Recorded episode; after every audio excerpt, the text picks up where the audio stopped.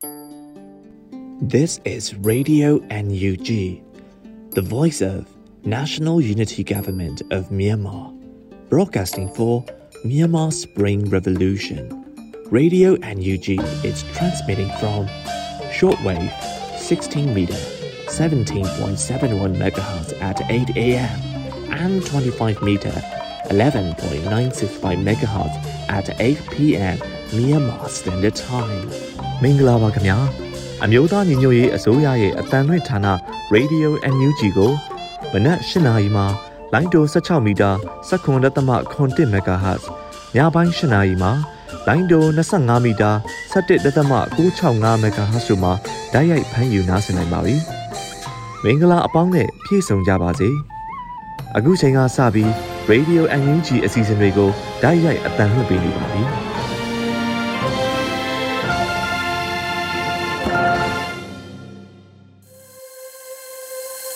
Radio NUG ကိုနားတော်တာဆင်နေတဲ့ပရိသတ်များမင်္ဂလာနေ့လည်ခင်းပါရှင်။ကျမတို့ရဲ့တိုးချဲ့ထုံးလွှင့်မှုစီစဉ်ဖြစ်တဲ့နေ့လည်ခင်းစီစဉ်လေးကိုစတင်ထုံးလွှင့်ပြီးတော့မှာဖြစ်ပါတယ်။ဒီနေ့နေ့လည်ခင်းမှာတင်ဆက်ပေးဖို့ရှိနေတဲ့အကြောင်းအရာတွေကတော့ပြည်သူတွေစိတ်ဝင်စားစေမယ့်နေ့လည်ခင်းသတင်းတွေတော်လန်ရေးဆောင်ပါတော်လန်ရေးတီဂီတာတို့နဲ့တူတခြားစိတ်ဝင်စားဖွယ်ရာစီစဉ်တွေကိုတင်ဆက်ပေးဖို့ရှိနေတာဖြစ်ပါတယ်ရှင်။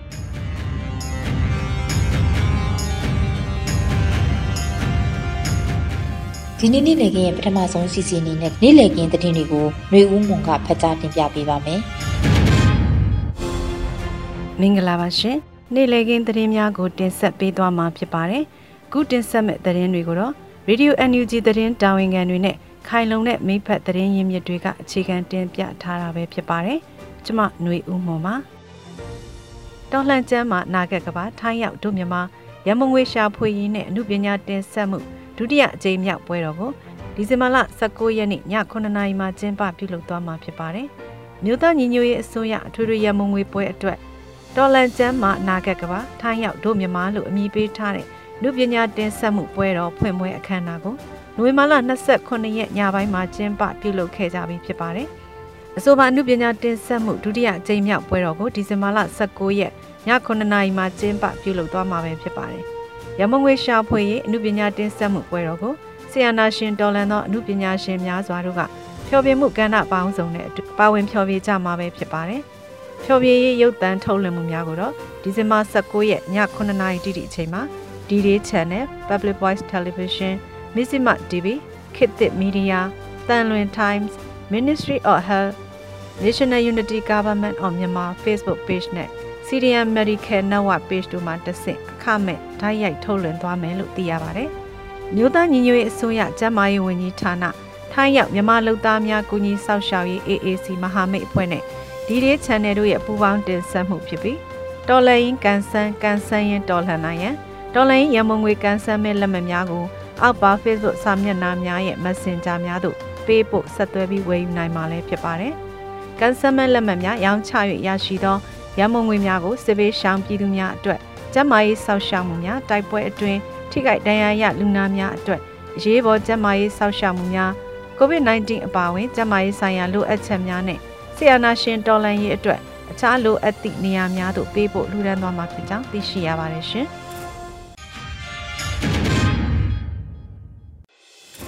ကျန်းဖက်စစ်ကောင်စီဖမ်းဆီးသွားတဲ့လွှတ်တော်ကိုယ်စားလှယ်2ဦးကိုစစ်ကောင်စီမှတာဝန်ခံရမယ်လို့ လွှတ်တော်ကိုယ်စားလှယ်များကသတိပေးလိုက်ပါတယ်။ဒီဇင်ဘာလ14ရက်နေ့နဲ့15ရက်နေ့များတွင်အကျန်းဖက်အာဏာသိမ်းတပ်များရဲ့ဝင်ရောက်ဖမ်းဆီးမှုကြောင့်မြဝတီမြို့နယ်လေးကေကောမြို့တစ်မှာအာဏာရှင်စန့်ကျင်သူများဖမ်းဆီးခံခဲ့ရပါတယ်။ဆီအာဏာရှင်စန့်ကျင်ရေးတက်ကြွလှုပ်ရှားသူတွေမတရားသဖြင့်ပုံမှန်အမျိုးမျိုးတက်မှုဖွင့်ခံထားရတဲ့သူတွေနဲ့စီရီယမ်ဝန်ထမ်းများစွာဟာစစ်ကောင်စီရဲ့အကြမ်းဖက်ဖိနှိပ်မှုရန်ကြောင့်လေးကေကောမှာခိုလုံနေကြတာပဲဖြစ်ပါတယ်။အဲဒီလိုခိုလုံနေရမှဖမ်းဆီးခံရသူများတွေမှာ မြို့သားဒီမိုကရေစီအဖွဲ့ချုပ်လွှတ်တော်ကိုယ်စားလှယ်2ဦးလည်းပါဝင်ခဲ့ပါတယ်။လက်ရှိအခြေအနေရလေးကေကောမှာစစ်ကောင်စီကဖမ်းဆီးသွားသူတွေရဲ့နောက်ဆက်တွဲအခြေအနေများကို၃ရက်ကြာတဲ့အထိတရေအဆက်အသွယ်မရသလိုအကြောင်းတစုံတရာမသိရသေးပါဘူး။ဒီကိစ္စနဲ့ပတ်သက်ပြီးအကြမ်းဖက်စစ်ကောင်စီကဝင်ရောက်ဖမ်းဆီးသွားတဲ့မြို့သားဒီမိုကရေစီအဖွဲ့ချုပ်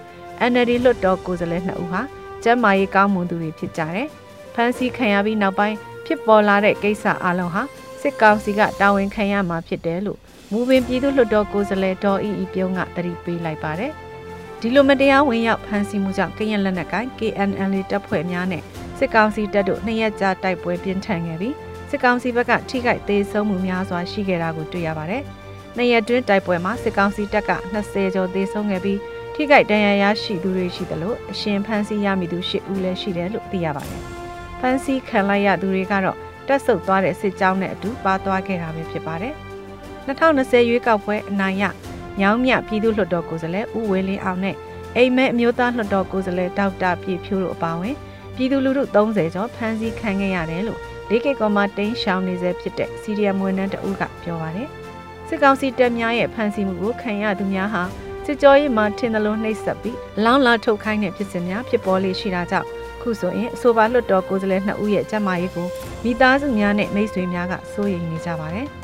ဦးဝေလင်းအောင်နဲ့ဒေါက်တာပြေဖြိုးတို့2ဦးဟာလူငယ်ကိုယ်စားလှယ်ဖြစ်ပြီးဖမ်းဆီးခံရစဉ်ကျန်းမာရေးကောင်းမွန်စွာရှိတယ်လို့ဒေါ်အီပြုံးကသူမရဲ့ Facebook ကနေရေးသားခဲ့ပြီးနောက်မှာပဲဒေါ်အီပြုံးနီးတို့အခြားသောလွှတ်တော်ကိုယ်စားလှယ်တွေကလည်းအလားတူသတိပေးမှုတွေကို၎င်းတို့ရဲ့လူမှုကွန်ရက်စာမျက်နှာမှာတစ်ဆင့်ထုတ်ဖော်သတိပေးနေကြပါတယ်။အလွတ်တန်းတပ်ပုံသတင်းတောက်ဖြစ်သူကိုစိုးနိုင်ကိုဒီဇင်ဘာလ10ရက်နေ့တိတ်ဆိတ်မှုတပိတ်အားတပုံရိုက်ချင်းမြောက်ဖမ်းဆီးသွားပြီး3ရက်အကြာမှာ စစ်ကြောရေးစခန်းမှာအလုံးလောက်ထုတ်ရဲ့အကြမ်းဖက်စစ်တပ်ကအကြောင်းကြားခဲ့ကြပါတယ်ရှင်။မြန်မာဒီမိုကရေစီအရေးအတွက်အဓိကကျတဲ့ကာကွယ်ရေးဆိုင်ရာဥပဒေပြင်ဆင်မှုမူကြမ်းကိုအမေရိကန်အထက်လွှတ်တော်ကအတည်ပြုလိုက်ပါပြီ။အမေရိကန်အထက်လွှတ်တော်အမတ် Mitch McConnell ဦးဆောင်တာဖြစ်ပြီး2022ဘဏ္ဍာနှစ်အတွက် NDAA လို့အတူကောက်ခေါ်တဲ့အမျိုးသားကာကွယ်ရေးလုပ်ပိုင်ခွင့်ဥပဒေပါအမြင့်မအရေးဆိုင်ရာပြင်ဆင်ချက်ကို ဒီဇင်ဘာလ16ရက်နေ့ကအတည်ပြုနိုင်ခဲ့ပြီးနောက်မှာတော့သမရလက်မှတ်ရေးထိုးဖို့သာကြံရှိပါတော့တယ်။ဒါဟာမြမဒီမိုကရေစီလှုပ်ရှားမှုကိုအမေရိကန်အနေနဲ့တရားဝင်မဟာဗျူဟာမြောက်ကူညီနိုင်ဖို့ဖြစ်တာကြောင့်ຫນွေဦးဒေါ်လာရေးအတွက်ရေးပါတဲ့ခြေလန်းတရက်လှမ်းနိုင်ခဲ့ခြင်းဖြစ်ပါတယ်။အာနာသိမ့်ပြီးနောက်အကြမ်းဖက်မှုအမျိုးမျိုးကိုကျူးလွန်နေတဲ့စစ်ကောင်စီအပေါ်မှာအေးအေးယူနိုင်ဖို့သာမကမြို့သားညီညွတ်ရေးအစိုးရကပါတရားဝင်ကူညီနိုင်ဖို့မဟာဗျူဟာတရက်ဖြစ်ပါတယ်။အမေရိကန်အစိုးရထိပ်ပိုင်းအရာရှိတွေအနေနဲ့ ဒါကိုနှစ်လအတွင်းလွှတ်တော်ကိုတင်သွင်းနိုင်အောင်အထက်လွှတ်တော်အမတ် Mash Cornell ကဖြည့်ဆွတ်ထည့်သွင်းလိုက်တာပါ။ NDA လို့အတူကခေါ်တဲ့ National Defense Authorization Act ဟာအောက်လွှတ်တော်မှာမဲအများစု363မဲ80နဲ့နိုင်ပြီးစီနိတ်ကိုထပ်တင်ခဲ့ရမှာတော့ဒီဇင်ဘာလ16ရက်နေ့ကမဲခွဲခဲ့ကြပြီး88မဲ17မဲနဲ့အပြတ်အသက်အောင်မြင်သွားပါတယ်။မြမဒီမိုကရေစီအရေးကိုအစဉ်အဆက်ထောက်ခံခဲ့သူ Mash Cornell နဲ့အတူ အမေရိကန်အတိကပါတီကြီးနှစ်ခုလုံးမှဩဇာကြီးမားတဲ့အထက်လွှတ်တော်အမတ်တွေပေါင်းပြီးဒီမူကြမ်းကိုတင်သွင်းခဲ့ကြတာပါ။ထို့ထဲမှာပါဝင်တဲ့အချက်တွေကတော့မြန်မာနိုင်ငံမှာဒီမိုကရေစီအစိုးရပြန်လည်အုပ်ချုပ်နိုင်စေရေးနဲ့မျိုးသားပြန်လည်တည်မြဲရေးကိုဦးတည်ထည့်သွင်းထားပါတယ်။ဒီဥပဒေကိုဦးဆောင်လုပ်ခွင့်ရလို့ဂုဏ်ယူပါကြောင်းနဲ့အမေရိကန်အနေနဲ့မဟာဗျူဟာမြောက်လက်တွေ့ကူညီနိုင်အောင်ပြင်ဆင်လိုက်တာပါလို့ Republican အထက်လွှတ်တော်ကောင်ဆောင် Mash Connell ကဗုဒ္ဓဟူးနေ့ကကြေညာချက်ထုတ်ပြန်ပါတယ်။ ဒီပြင်ဆင်ချက်အရအမေရိကန်နိုင်ငံသားရေးဝန်ကြီးဌာနနိုင်ငံတကာဖွံ့ဖြိုးမှုအကူအညီပေးရေး agency USAID နဲ့ဗန်နာရေးနဲ့ကာကွယ်ရေးဝန်ကြီးဌာနအရာရှိတွေအနေနဲ့ပါ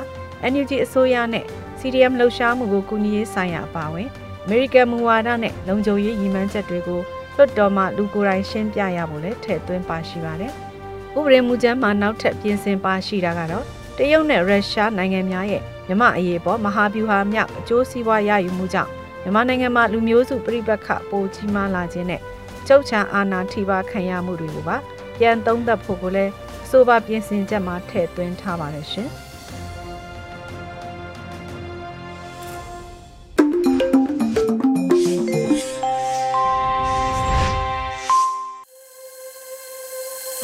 ဗီဒီယိုအန်ယူချီရဲ့နေ့လည်ခင်းစီစဉ်တွေကိုဆက်လက်တင်ပြနေပါတယ်။ အခုဆက်လက်ပြီးတော့ခွန်ဆိုင်ရေးသားပြီးဝေဦးမောင်ကဖတ်ကြားတင်ပြထားတဲ့အုံမြင့်နဲ့ညံမခွဲချမ်းနိုင်ကြသူများဆိုတဲ့တော်လှန်ရေးဆောင်မကိုနားဆင်ကြရတော့မှာဖြစ်ပါတယ်ရှင်။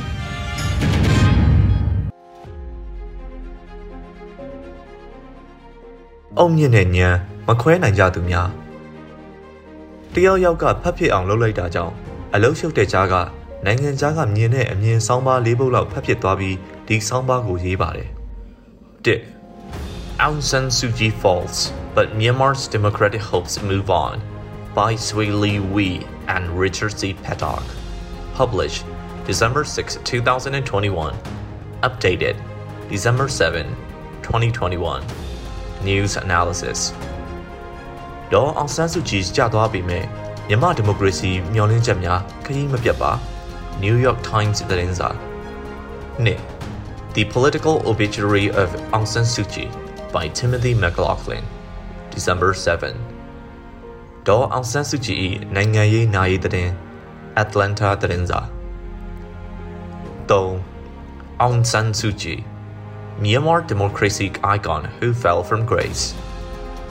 ဂုံအမြင့်ကပြုတ်ကျခဲ့တဲ့မြန်မာဒီမိုကရေစီပြရုပ်အောင်ဆန်းစုကြည် BBC December 7 Le Aung San Suu Kyi is now one of many Aung San Suu Kyi သည်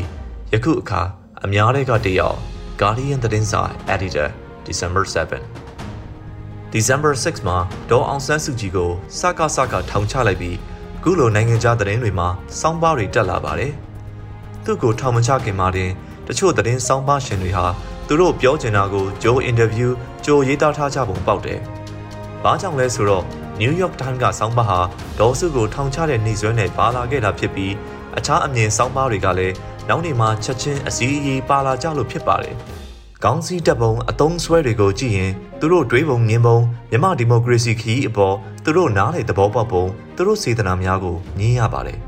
။တိုင်းပြည်တစ်ပြည်လူအဖွဲ့အစည်းတရက်တိုးတက်ဖို့တဘောအလုံးအဖွားကြီးဖြစ်တဲ့အထိအလုတ်လုတ်လာတဲ့မြမဒီမိုကရေစီကောင်းဆောင်တယောက်ထောင်ထက်ကျသွားချိန်နဲ့ကြိုက်ပြီး ခုလိုရေးသားချက်တွေကမြမလူအဖွဲ့အစည်းအတွင်းမောင်းနှင်လဲပတ်နေတဲ့ရင်ခုန်နှံစည်းချက်တွေနဲ့အတော်ကင်းကွာတာတွေ့ရပါလိမ့်မယ်။ဆောင်းပါအားလုံးရဲ့ရေဘူးရသုံးသက်ချက်တွေမှာအခုရေးတော်ပုံဟာဒေါစုကိုဗဟုပြုတာမဟုတ်ဘူးလို့ပြောချင်တာထက်ပုံနေကြပြီးဒေါစုရေခမရနိုင်ငံရေးခေကုန်းသွားပြီခမရဇသိန်းသွားပြီခမရမြန်မာပြည်မှာအရေးမပါတော့ဘူးလို့တာတာထိုးထိုးပြောနေကြတာမျိုးတွေပါနေပါတယ်မြန်မာပြည်သူတွေနဲ့ထဲထဲဝင်ဝင်မနေမြန်မာနိုင်ငံရေးလက်တွေ့မြေပြင်တွေနဲ့ကင်းကွာ ပြည်ရင်းကအချက်လက်မှန်တွေကိုအခြေမခံသူတို့ဖြစ်ချင်တာကိုသာတွန်းပြောနေကြတဲ့အကျင့်တွေစွဲနေကြသလားမပြောတတ်ပါသူမတယောက်တော့အထိမ့်သိမ်းခံဘဝနဲ့နှစ်အကြာကြီးထက်နေရတော့မယ်အသက်ကလည်းကြီးလာပြီးနိုင်ငံတကာမှာလည်းရေပန်းပနာမစားတော့ဘူးနိုင်ငံရေးဆက်သိမ်းသွားပြီဆိုတော့ပြည်သူပြည်တဲ့ခေါင်းစဉ်တွေနဲ့သူတို့စောင်းပါတွေကိုတာတာထိုးထိုးအယောင်တင်ကြတာအကျင့်ဆိုးပါတယ်ဒေါ်အောင်ဆန်းစုကြည်ကိုပုတ်ကိုရေးအရာမကြိုက်လို့ရတယ်ဒါပေမဲ့ မြန်မာဒီမိုကရေစီတမိုင်းမှာသူတို့ပြောဆိုကိုးကားနေတဲ့ဒီမိုကရေစီဆိုတာကြီးခိုင်မာဖို့အုံမြင့်အခြေခံအခိုင်မာချခဲ့တဲ့သူဆိုတာကိုခြံလှက်လို့မရပါဘူးသူ့အဆင့်ကိုတမိုင်းတစ်ဖြတ်နဲ့နှိမ်ချလိုက်လို့မရပါဘူးသူ့အသက်ကြီးနေပြီလောကဓမ္မဘာမှငင်းစရာမရှိဘူးထောင်နှစ်ရှည်လဲနှစ်တရာကျော်ကြမယ်စစ်ကောင်စီကဖမ်းကလေးကသူ့ကိုဘယ်သူနဲ့မှတွေးခွင့်မပေးသလိုဘယ်သူနဲ့မှတွေးခွင့်မရနိုင်ခင်ကွယ်လွန်သွားနိုင်ပါသေးတယ် အခုဆင်နွှဲနေကြတဲ့မြမနွေဦးဒေါ်လာရေးမှာသူဘယ်နေရာကမှပါနိုင်ခွင့်မရှိဘူးဒါတွေကြောင့်သူ့နိုင်ငံရေးကသေးသွားပြီသူ့ဩစာအချိန်ဝါကတော့မရှိတော့ဘူးသူ့ခက်ပြီးသွားပြီဆိုတာမျိုးတွေမြမပြည်သူတွေကိုတယောမော်ကားလုပ်တာနိုင်ငံတကာကိုခုလိုတလွဲ message တွေပေးရင်မြမဖက်စစ်စန့်ကျင်ရေးမြမနွေဦးဒေါ်လာရေးကိုလည်းပုံဖြတ်သလိုဖြစ်နေပါတယ်လူလူထောက်ခံမဲ့80ရာခိုင်နှုန်းကျော်နဲ့နိုင်ထားတဲ့ပါတီရဲ့ခေါင်းဆောင်အဲ့ဒီခေါင်းဆောင်ကတခြားခေါင်းဆောင်အများစုပါထောင်ချခံလိုက်ရတဲ့အချိန် တပြည်လုံးကိုစစ်တပ်ကအာဏာသိမ်းပြီးလှုပ်ချင်တာတွေလုပ်နေတဲ့အချိန်ဒီဖြစ်စဉ်တွေအားလုံးကပထမအချိန်လည်းမဟုတ်ဘူးမနေ့တနေ့ကဖြစ်နေတာတွေလည်းမဟုတ်နှစ်30ကျော်မြန်မာပြည်သူတွေရဲ့ကြိုးပမ်းထားမှုတွေတဲတဲရေသွန်ဖြစ်သွားခဲ့တာဒီချိန်မျိုးမှာ UN ကအနောက်ဒီမိုကရေစီနိုင်ငံများအာဆီယံများပါမကြမ်းမြန်မာဒီမိုကရေစီအရေးတော်ပုံအတွက်စစ်တပ်အာဏာသိမ်းထားတာကိုအတိအမှန်မပြုသေးတာစီးပွားရေးပိတ်ဆို့တာလုံခြုံရေးကောင်စီခေါ်ပြီးစိုးရိမ်ကြတာအပြစ်တင်ရှုတ်ချတာ ကို့အပေါ်တန်ကင်းတမန်ကင်းဘက်ကဂူညီထောက်ခံတာမျိုးလောက်သာပြုနိုင်ကြတာအခုအချိန်ထိဒီလောက်ပဲမဟုတ်ဘူးလားမြန်မာပြည်သူတွေကိုထိရောက်တဲ့အကူအညီတွေအကားအကွယ်တွေမပေးနိုင်ပဲအာဏာသိမ်းစစ်တပ်ကိုတစ်ဖက်ကလည်းဆက်ဆံနေရတာ88ကစတွက်ရင်ဒီနေ့ဒီချိန်ထိမဟုတ်ဘူးလား88နောက်ပိုင်းမွေးလာလူလာမြောက်ကြတဲ့မျိုးဆက်တွေဟာတက္ကရာ2020မှာဆိုအသက်20နဲ့30ကြားအရွယ်ရောက်ကြပြီသူတို့စပြီးတက်တိနားလေတဲ့အရွယ်မှာ1990ရွေးကောက်ပွဲကိုကြုံခဲ့ဘူးကြမယ် NGO အဖွဲ့900ကျော်လားမသိဘူးတနိုင်ငံလုံးမှာဖွဲ့စည်းလှုပ်ရှားခွင့်ရတဲ့ကာလမှာလူဖြစ်ခွင့်ရကြတယ်ခုလိုပုံမပွင့်လင်းကောင်းမွန်လာတဲ့နိုင်ငံရေးရေကန်မြေကန်ပေါ်မှာကြီးပြင်းရတဲ့မျိုးဆက်တွေမို့နိုင်ငံတကာနဲ့ပိုတီးတွဲခွင့်မျက်စိနားပွင့်ခွင့်ရကြတယ်။အင်မတန်ကံကောင်းကြပါတယ်။ပိမ့်ပိတ်အောင်မှောင်နေတဲ့တပါတီအာနာရှင်ရဲ့တကားပိတ်ဝါဒစနစ်ကိုမသိမိလိုက်ကြပါဘူး။မခံခဲ့ရကြပါဘူး။ ဤပညာတွေစက်သွယ်ရေးတွေတဟုန်တို့တိုးတက်လာတဲ့ကာလနဲ့အချိန်ကိုက်လူဖြစ်ခဲ့ကြရလို့မျက်စိပိတ်နားပိတ်အမောင်ခစ်တဲ့ကြီးခဲ့ရတဲ့လူကြီးတွေဂျန်လီတွေထက်ပိုရှင်သန်ပိုထက်မြက်ပိုအမြင့်ကျွဲပိုပြတ်သားခွင့်ရကြတာငင်းစရာမရှိပါဘူး88နောက်ပိုင်းနိုင်ငံရေးအခင်းကျင်းတွေဆိုတာလဲမဆလာတပါတီအာနာရှင်စနစ်မိုးကောင်းတုန်းကအခင်းကျင်းတွေမျိုးမဟုတ်ပါဘူး။ကွင်းအတော်ကျဲနေတာလောက်တာဖြစ်လာတာပါ။ အသင်းအပင်ဖွဲ့စည်းခွင့်တွေကနေတင်ယူကြရင်စစ်အာဏာရှင်အိုးနဲ့ဒီမိုမျိုးဆက်အိုးတွေကြားကနိုင်ငံရေးတိုက်ပွဲတွေကိုတဆင့်ခံတင်ကြားဒိုးတက်ခဲ့ကြမြမပြည်အတွက်အင်အားအနှင်းတွေဖြစ်ခဲ့ကြပါတယ်။88နောက်ပိုင်းကြီးပြင်းတဲ့လူငယ်မျိုးဆက်တွေကသာအခုຫນွေဦးဒေါ်လာရေးအောင်ပွဲခံပြီးရင်တိုင်းပြည်ကိုစီမံအုပ်ချုပ်ရတဲ့နေရာတွေမှာမူးချအစားထိုးတာဝန်ယူလာကြမှာသိကြပါတယ်။အဲ့ဒီအခါလက်တွေ့အစိုးရတရက်ကတာဝန်ခံဆုံးဖြတ်ရတဲ့ကိစ္စတွေတွေ့လာကြမှာ။ ဂျင်းညာချက်ထုတ်ပို့ချထားတဲ့ရေဘူးရအမှန်တရားများကိုပြောနေကြရုံအစ်စ်မှမဟုတ်တော့ပဲမတူညီတဲ့လူအဖွဲ့အစည်းအတွင်းကပြဿနာတွေကိုတာဝန်ခံလက်တွေ့ဖြေရှင်းရတော့မှာဖြစ်ပါတယ်။လက်နက်ကိုင်းအဖွဲ့အစည်းအချင်းချင်းကြားပြဿနာမတူညီလူမျိုးစုအချင်းချင်းကြားပြဿနာကိုယ်ကွယ်ယုံကြည်မှုယဉ်ကျေးမှုနောက်ခံမတူတဲ့လူအဖွဲ့အစည်းများကြားပြဿနာတွေကိုလက်တွေ့ဖြေရှင်းတဲ့အခါဖက်အားလုံးစီကလက်ကုပ်တန်မြန်မြန်မရနိုင်ပဲနေမဲငဆအစိမ်းမျိုးတွေလည်းကြုံကြရမှာဖြစ်ပါတယ်။ဒီကမ္ဘာလုံးမှာကိုဗစ်ကဆိုးကြီးအပြင်းထန်တက်နေချိန် 2020ရွေးကောက်ပွဲကိုအဲ့ဒီကဆိုးကြီးကြားကပဲဖြစ်အောင်တစ်ချိန်နဲ့ဖြတ်ကျော်ကျင်းပခဲ့ကြတဲ့နိုင်ငံတစ်ခုမြန်မာနဲ့အမေရိကန်မှာမြန်မာရွေးကောက်ပွဲကဘာရုပ်ပြက်ဆင်းပြတ်မှမဖြစ်ဘူး။ဘာယုံရင်ဆန်ခတ်မှမဖြစ်ဘူး။စီကံကြနာနိုင်ငံကြီးသားများပြီးသားစွာလွတ်လပ်စွာမဲပေးကြခြင်းနဲ့ NLD 80ရာခိုင်နှုန်းကျော်ထောက်ခံမှုနဲ့အပြတ်အသက်အနိုင်ရအပြေထွက်တဲ့အချိန်ဒီမိုကရေစီဘိုးအေအမေရိကန်နိုင်ငံမှာတော့နှစ်ဖက်ညင်းကြခုံးကြပြစ်ခတ်မှုတွေဖြစ်ကြ လွတ်တော်ကိုရှုံးတဲ့ဘက်ကလူအုပ်တွေဝင်ရောက်အကြမ်းဖက်တောင်းကျမ်းကြသမရထရမ်ထောက်ခံသူများဘက်ကပွဲချမ်းခဲ့ကြလို့အမေရိကန်ရွေးကောက်ပွဲတမိုင်းမှာအယုတ်ဆိုးအကြီးတန်းခဲ့တဲ့အချိန်ဒီလိုကတောင်းကနေအချိန်ကြီးမျိုးမှာတော့အမေရိကန်စစ်တပ်ကအေးအေးဆေးဆေးဘေးမှာပဲနေခဲ့တယ်မဟုတ်လားအေးအေးဆေးဆေးမနေခဲ့တာကမြန်မာစစ်တပ်စားလို့အန်ဒိုနေတဲ့အာနာရှင်အစ်စ်အဲ့ဒီအာနာရှင်ကဖတ်ဆက်လဲဖြစ်တာမို့ဘယ်သူကမှချမ်းသာမပေးဘူး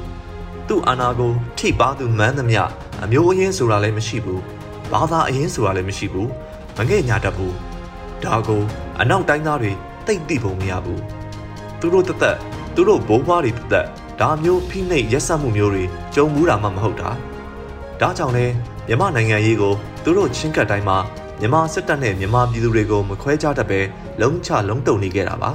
ကို့တိုင်းပြည်မှာခုလိုပြက်ပြက်သားသားအနိုင်ရတဲ့ပါတီကို စစ်တပ်ကအစိုးရခွင့်မပေးတော့ပဲလူမှုရွေးကောက်ထားတဲ့ခေါင်းဆောင်တွေကိုဖမ်းဆီးထိန်းသိမ်းတဲ့အချိန်ပြည်သူတွေကဆန္ဒမပြထိုက်ဘူးလားဆန္ဒပြပြည်သူတွေကိုရားထောင်ချီဖမ်းဆီးပြစ်တက်တဲ့အချိန်ကိုကိုကိုခုခံပိုင်ခွင့်အရာလက်နက်ကင်ခွင့်မရှိဘူးလားအမေရိကန်မှာအခုလိုစစ်တပ်ကအာဏာသိမ်းလိုက်ရင်အမေရိကန်ပြည်သူတွေဘာလုပ်မယ်ထင်ပါသလဲပြည်ရွေးစစ်ကြီးအကြီးအကျယ်မိတောင်တွေမှာမေးခွန်းထုတ်စရာလိုမလား ဒီဆောင်ပါရှင်တွေနိုင်ငံရေးပညာရှင်တွေသူများနိုင်ငံကိုဆရာကြမယ်မကြံခင်ကိုယ့်ဘာသာကိုမေးခွန်းထုတ်ရမယ်မေးခွန်းတွေပါဒေါ်အောင်ဆန်းစုကြည်လိုစစ်အာဏာရှင်တွေနဲ့နှစ်30ကျော်ကြာရှည်ကြာမျောညံမကစားဘူးပဲသူ့လိုလင်းပြက်သားပြက်မိသားစုဘဝကိုပြည့်ပြီးတိုင်းပြည်အရေးမှာဘဝနဲ့အလုံးမလုံးဘူးပဲသူ့လိုမြမပြည်ကထွက်မပြေးပဲသူ့လိုအချင်းချင်းလောက်ကြံမခံရဘူးပဲသူ့လို ပါတီကြီးတစ်ခုကိုစတင်တီထောင်ကြတဲ့ကပြိုကွဲဖို့အကြောင်းဆုံးအတွင်းအပြင်ဖန်တီးစ조사ကြပေမဲ့ပါတီမပြိုကွဲခေါင်းဆောင်နေရာကဘယ်ရှားမခံရပဲရွေးကောက်ပွဲတိုင်းမှာအပြက်အသက်အနိုင်ရအောင်မလုပ်နိုင်ဘူးပဲလူမှုမျက်ွယ်က15နှစ်လောက်ဖျောက်ခံထားရပြီးမဲ့မိမိန်ပြောက်ွယ်မသွားပဲလူလူကြားမှာရှိနေခဲ့တဲ့ခေါင်းဆောင်တယောက်ကိုခုလိုအိုကြီးအိုမထောင်ကြတော့မှပြစ်ပြစ်ခါခါအရေးသားတွေကမြန်မာနိုင်ငံရေးနဲ့အဆင်မပြေဘူး မြန်မာပြည်သူတွေနဲ့ဆက်ဆံရေးမှာလည်းအဆင်ပြေမှာမဟုတ်ဘူးဒေါ်စုကိုထောင်ချလိုက်လို့ကုလလုံခြုံရေးကောင်စီကတော့စကားစကိုအပြစ်တင်ရှုံချနေချိန်မှာဒီစောင်းပါတွေကဒီလိုပြောနေရေးနေတာမျိုးကတော်တော်ချော်တဲ့သဘောမရှိဘူးလားဖက်စစ်စစ်တပ်ကိုလက်တွေ့ရင်ဆိုင်သူတိုင်းဟာမလွယ်ပါဘူးအထူးသဖြင့်နိုင်ငံသားတွေပိုးမလွယ်ပါဘူး။နာဝတာလက်ထက်တုန်းကဒေါ်စုနဲ့အတော်တင်ရင်နီးရှိတဲ့အတွက် fax machine လေးတစ်ခုတရားမဝင်ပိုင်ဆိုင်မှုဆိုပြီးအမှုစဉ် ဆွီဒင်ဖင်လန်တန်ကောင်စစ်ဝင်တယောက်ကိုတရားစွဲပြီးနာဝတာအစ်အစိုးရကအင်းစိန်ထောင်ထဲမှာဖမ်းတိုက်ပိတ်ထားလိုက်တဲ့အခါ6လမကြာလိုက်ပဲစိတ်ဆင်းရဲပြီးကွယ်လွန်သွားပါတယ်။အသက်50လောက်ပဲရှိအောင်မဲ့ထင်ပါတယ်။မြမအရေးမှာတက်ကြွလှုပ်ရှားလာတဲ့အင်္ဂလန်သူတယောက်ကိုအင်္ဂလန်ရောက်တော့ဆုံးခဲ့ဘူးတဲ့ကိုလေးလုံးနေမြမပြည်ကိုလေးလုံးလှုပ်ရှားမှုဖော်ဆောင်မှုဆိုပြီးမြမပြည်တဲကိုနိုင်ငံတကာတက်ကြွလှုပ်ရှားသူအချို့နဲ့သူကဝင်သွားခဲ့တာ စစ်အစိုးရကထောင်ထဲဖမ်းထစ်လိုက်တဲ့အခါသုံးလလောက်နဲ့သူခမရတော်တော်ဒုက္ခများသွားပြီးနောက်ဆုံးအင်္ဂလန်ကသူ့မိဘကခံဝန်ချက်နဲ့လာကယ်ထုတ်ရတယ်လို့ပြောပါတယ်မြန်မာပြည်ကိုသူထပ်မသွားတော့ဘူးလို့ပြောပါတယ်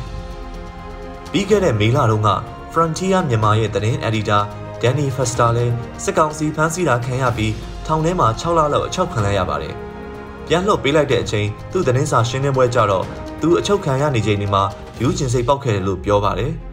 သူနှိမ့်ဆက်ညှဉ်းပန်းခံရတဲ့အကြောင်းမပြောခဲ့ပါဘူး။သူ့ကိုနိုင်ငံသားမှုမနှိမ့်ဆက်လိုက်တာဒါတောင်6လလောက်နဲ့သူကောသူ့မိဘတွေအတော်ခြောက်ခြားစိတ်ပြတ်သွားပုံရတယ်။အယိုးရင်အာနာရှင်တွေနဲ့မြေပြင်မှာဒဲရှင်ပြန်ရတာအဝေးကထင်သလောက်မလွယ်ပါဘူး။မြမဒီမိုကရေစီခီးမှာဒေါ်စုကိုညံသဘောထားသူ့ကဏ္ဍပြီးသွားပြီလို့ထင်ကြသူသူ့ကိုနိုင်ငံရေးမြောင်းနဲ့ပို့ချင်သူများသာမြောင်းနဲ့ရောက်ကြမှာပါဘ ယ်သူနဲ့မှတွေးခွင့်မရအောင်လှုပ်ထားပြီးအာနာသိန်းစစ်တပ်ကဆွဲကျင်သလောက်ဆွဲတဲ့အမှုပေါင်းတရားစင်လောက်ကိုရင်ဆိုင်ရင်းလောလောလတ်လတ်ထောင်ချခံလိုက်ရတဲ့အသက်86နှစ်အဖွားကြီးတယောက်ကိုနိုင်ငံသားပြန်မြန်မာဆရာကြီးတယောက်ကမှတ်ချက်ပြုထားပုံကိုအဲ့ဒီနယူးယောက်တိုင်းဆောင်းပါရှင်ကအကိုအကာအခုလိုပြုထားပါသေးတယ် Every day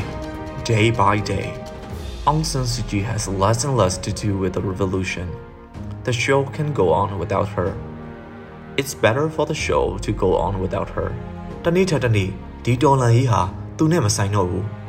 ဒီပွဲမှာသူမပါပဲဆက်သွားနိုင်ပါတယ်ဒီပွဲသူမပါရင်ပိုတော့မှကောင်းသေးတယ်ကျွန်တော်ကတော့ကြိုက်တယ်သူအနားယူခွင့်ရသွားတာလို့မက်ရှလာမာတွေကရေးခဲ့ပူပါတယ်သူ့အပေါ်မီကိုနေတာတွေလုံးမရတော့ပဲနောက်လူတွေကမမှန်မမတောင်းဝန်ခံဆက်လုပ်ခွင့်ရပြီလို့မှတ်ပါတယ်။သူလုံးတင်တာအကုန်လုပ်ပြီးသွားပြီ။သူ့ကိုဘယ်သူမှဖြုတ်မချနိုင်ဘူး။စောပဦးကြီးကို ဘယ်သူမှဖြုတ်မချနိုင်တယ်လို့ဗိုလ်ချုပ်ကွမ်မော်ကိုဘယ်သူမှဖြုတ်မချနိုင်တယ်လို့ဒေါ်အောင်ဆန်းစုကြည်ကိုလည်းဘယ်သူမှဖြုတ်မချနိုင်ဘူး။ဒေါ်အောင်ဆန်းစုကြည်ကိုမြမဒီမိုကရေစီတော်လှန်ရေးခီးမှာအုံမြက်လားညံလားမခွဲခြားနိုင်ကြဘူးဆိုရင်နိုင်ငံရေးစေတနာနဲတယ်လို့မြမပြည်သူတွေကသတ်မှတ်ကြမှာသိကြတယ်ခွန်ဆိုင်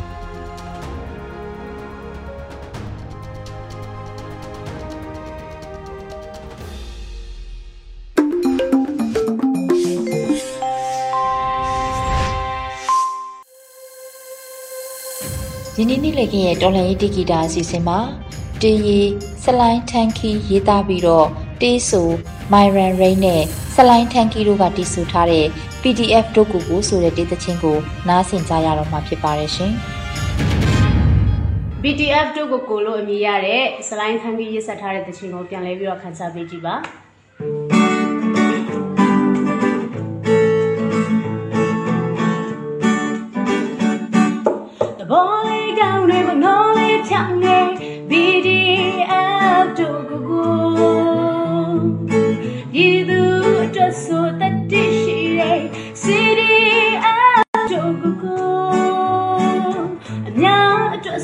ဆိုချစ်တဲ့သူ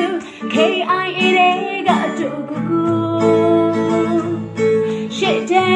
ရောက်ရင်ရဲရဲတဲ့သူ KNU တွေကတို့ကိုကို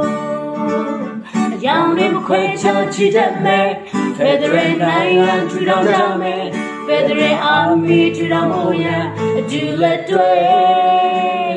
ဒူနီရာတွေစနေမယ်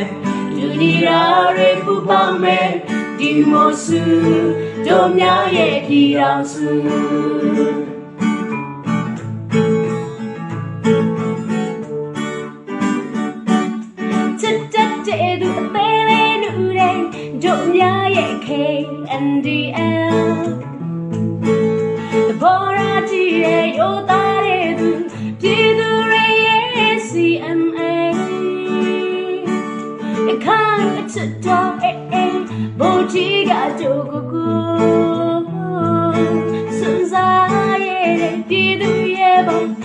MMDAA တွေကတို့ကိုကို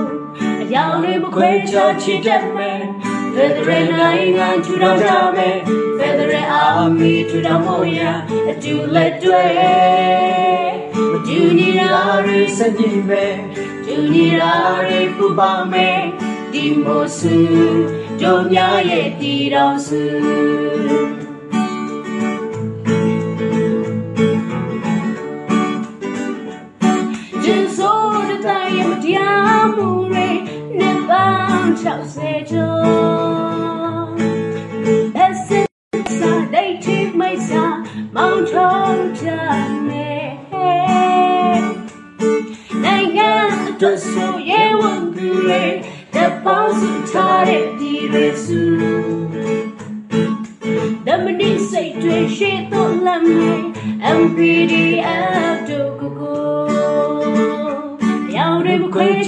တတ်မယ်ဖက်ဒရယ်နိုင်ငံထူထောင်ကြမယ်ဖက်ဒရယ်အာမီထူထောင်ဖို့ရန်အတူလက်တွဲအတူညီရာတွေစက်ညီမယ်တူညီရာတွေပူပေါင်းမယ်ဒီမို့စုတို့များရဲ့ပြည်တော်စုအယောင်တွေမခွေချချီတတ်မယ်ဖက်ဒရယ်နိုင်ငံထူထောင်ကြမယ် Federal Army to the Moya, do let day. Do need a reset me, do need a repuba me, do mosu, don't ya ye did also. Do mosu, don't ya ye did also. ရေဒီယိုအန်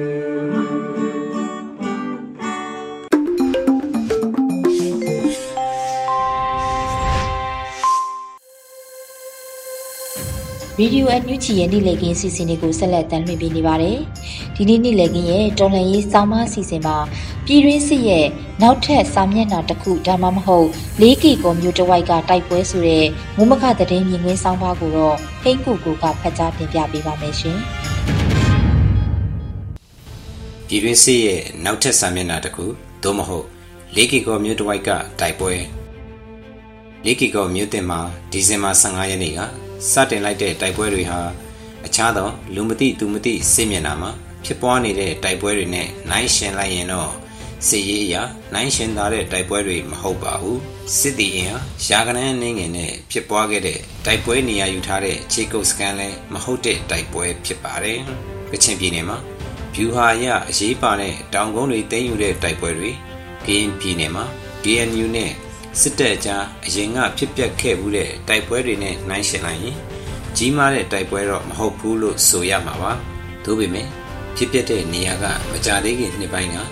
င်းငင်းရေးထိတ်မှတ်နဲ့တိဆောက်ခဲ့တဲ့မြို့နေရာကအစပြုပြီး KNU တပ်မဟာ6နေမြေမှာဖြစ်တဲ့တိုက်ပွဲဖြစ်တာရဲ့ KNU ရဲ့အကာအကွယ်ပေးမှုအောက်မှာလာရောက်ခိုလုံနေကြတဲ့အတိုက်ခံတက်ကြွလှုပ်ရှားသူတွေအချို့သော NLD ကိုယ်စားလှယ်ဟောင်းတွေ ထွက်ပြေးတိတ်ဆောင်ကြတဲ့စီရီယံဝန်ထမ်းတွေနေထိုင်ကြတဲ့မြို့ကိုစစ်ကောင်စီကဝင်ရောက်ဖမ်းဆီးရမှာတိုက်ပွဲဖြစ်ပွားတာဖြစ်တာရဲ့ကြောင့်မီဒီယာစာမျက်နှာမှာရောဖြစ်စေတစင်ချင်းကိုပေါ်ပြနေကြတဲ့အားလုံးစိတ်ဝင်စားကြတဲ့တိုက်ပွဲတစ်ခုဖြစ်နေတာပါ။ကြားပြည်နယ်မှာလည်းသတင်းပတ်တိုင်လို့လာတိုင်းလို့တိုက်ပွဲတွေတိတ်ဆောင်ရတာတွေနေနေမိရှုခံရတာတွေလူတွေအသက်ဆုံးရှုံးမှုတွေဖြစ်ပွားနေတယ်လို့ချင်းပြည်နယ်စကိုင်းတိုင်းအ ကွေးတိုင်းထပ်ပိုင်းညောင်ကံကောတို့လိုဒေသတွေမှာလည်းနေ့စဉ်သို့မဟုတ်ရန်အနေငယ်တိုင်းတိုက်ပွဲတွေဖြစ်ပွားနေတာဖြစ်ပါတယ်။လေးကီကိုဖြစ်တဲ့တိုက်ပွဲကဘာကြောင့်သတင်းမီဒီယာတွေနဲ့လူလူပိုစိတ်ဝင်စားကြတယ်လဲဆိုဒီတိုက်ပွဲက NUG ရဲ့ပင်ရင်းနေရလို့စခန်းကိုစစ်ကောင်စီကပထမဆုံးလာရောက်ဖြိုခွဲဖို့ကြိုးစားတဲ့ကြိုးစားမှုဖြစ်ပြီးစံသက်ခံရတဲ့ NUG ကာကွယ်ရေးဝန်ကြီးဌာန PDF တပ်တွေအနေနဲ့နေမီက KNU နေမီဖြစ်တဲ့နေရာမှာဘလို့တုံ့ပြန်လှုပ်ရှားကြမလဲဘူးပေါင်းဆောင်ရွက်ကြမလဲဆိုတာစောင့်ကြည့်ရမှာဖြစ်ပါတယ်စစ်ကောင်စီကိုစစ်ရေးရဘလို့လက်တုံ့ပြန်မလဲဆိုတဲ့အချက်ပေါ် KNU တပ်မဟာတွေတစ်ခုနဲ့တစ်ခုမတူညီကြတာကိုအများသတိပြုမိကြပြီဖြစ်တယ်လို့အခုလေးကီကောမြို့တင်မှာစစ်ကောင်စီတပ်တွေဝင်ရောက်စစ်ဆေးဖမ်းဆီးတာကနေစတင်လာတဲ့တိုက်ပွဲတွေနဲ့ပတ်သက်လို့ ဒူပလာယာခရိုင်ကော်မတီဥက္ကဋ္ဌဖရိုဆော့ရွှေမောင်ကလေးကီကောကိုစစ်တလင်းမဖြစ်အောင်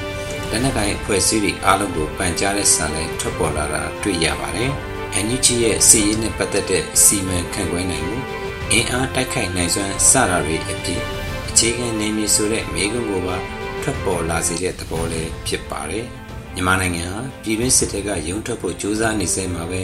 2021ခုနှစ်စစ်အာဏာသိမ်းမှုက ပြည်တွင်းစစ်မီးကိုအရှိန်နဲ့ပြန်လည်တောက်လောင်လာအောင်လောင်စာဖြည့်လိုက်တဲ့သပွဲဖြစ်ပါတယ်။ပြည်ရင်းစစ်ရဲ့စာမျက်နှာတွေကိုအဆုံးသတ်ဖို့စရင်ပိတ်ဖို့ကြိုးစားနေစဉ်မှာ2020ရွေးကောက်ပွဲကနေအစချီလာတဲ့နိုင်ငံရေးအကြက်အတဲကစရင်ပိတ်ဖို့ကြိုးစားနေတဲ့ကြိုးစားမှုတွေပြက်ပြားစီပြီးပြည်တွင်းစစ်စာမျက်နှာတဲ့ခေါင်းစဉ်တစ်တွေဖွင့်ဖို့ပါတိုက်ခိုက်သူအသစ်တွေပါဝင်လာဖို့ဖိတ်ခေါ်လိုက်တယ်လို့ဖြစ်စေခဲ့ပြီးဖြစ်ပါတယ်။ စစ်နဲ့ပတ်သက်တဲ့ဆိုယူစကားအမျိုးမျိုးရှိကြရမှာသတင်းမီဒီယာနဲ့ဆက်နွယ်တဲ့ဆိုယူစကားတစ်ခုကတော့စစ်ပွဲမှာပထမဆုံးကြဆုံးသွားတာကတော့အမှန်တရားပဲဖြစ်တဲ့ဆိုတဲ့ဆိုယူစကားပဲဖြစ်ပါတယ်။အမှန်တရားလို့ဆိုရမှာအချက်လက်အပြင်ရောရက်တည်မှုအပြင်မှာရည်ရွယ်ဆိုလိုတယ်လို့နားလည်မိပါတယ်။ပြည်တွင်းစစ်ကမိသားစုပေါင်းများစွာရဲ့မိသားစုဝင်တွေကိုဆုံးရှုံးစေနိုင်တယ်လို့ဒိမ့်တန်းချီတဲ့သူတွေမိသားစုတွေဖို့ စိတ်ချလက်ချအိယာမဝင်နိုင်တဲ့ညာပေါင်းများစွာကိုလည်းဖြစ်ပေါ်လာစေမှာဖြစ်ပါတယ်ခင်ဗျာ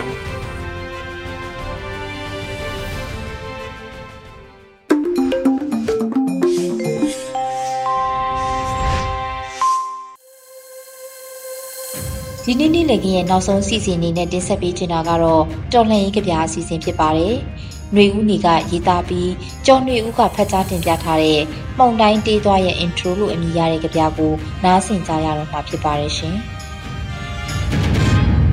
မုံတိုင်းတေးသွားရဲ့ intro တချို့ကတော့ထင်ကောင်းထင်ကြလိမ့်မယ်။ဒါတွေဟာလေကြီးတက်တက်ပါလို့တကယ်တမ်းကျတော့လေကြီးတက်တက်မဟုတ်ဘူး။အဲ့ဒီလေအဝှေ့တွေကကြီးမားတဲ့မုံတိုင်းတေးသွားကြီးတစ်ခုရဲ့ intro တီးကွက်တွေဖြစ်တယ်။ဒါကိုတချို့ကတော့မသိကြတာ။ တချို့ကြတော့လဲတိတိရဲနဲ့မသိချင်အောင်စောင်းနေကြတာ။ရိုးရိုးလေးတွေးကြည့်ပါ။ဖေဖော်ဝါရီလ၁ရက်နေ့မအားလာတို့အုပ်စုအာနာသိမ့်လိုက်တဲ့အချိန်မှာအာနာငန်းဖမ်းနေတဲ့လက်တဆုပ်စာလူတစုရဲ့အယိုးအရင်ကြိုက်နေရတဲ့အဘဘောမတချို့ရဲ့အတိညာအစင်တန်းနှိမ်ပါပြီးပေးတာယူကျွေးတာစားခိုင်းတာလုပ်တဲ့လူဒန်းစားတချို့ရဲ့နဲ့အမိတ်နာခံခြင်းအလေးအထကိုကျင့်ယူပေးထားတဲ့စစ်တပ်နဲ့ရဲဆိုတဲ့အဝန်းဝိုင်းတစ်ခု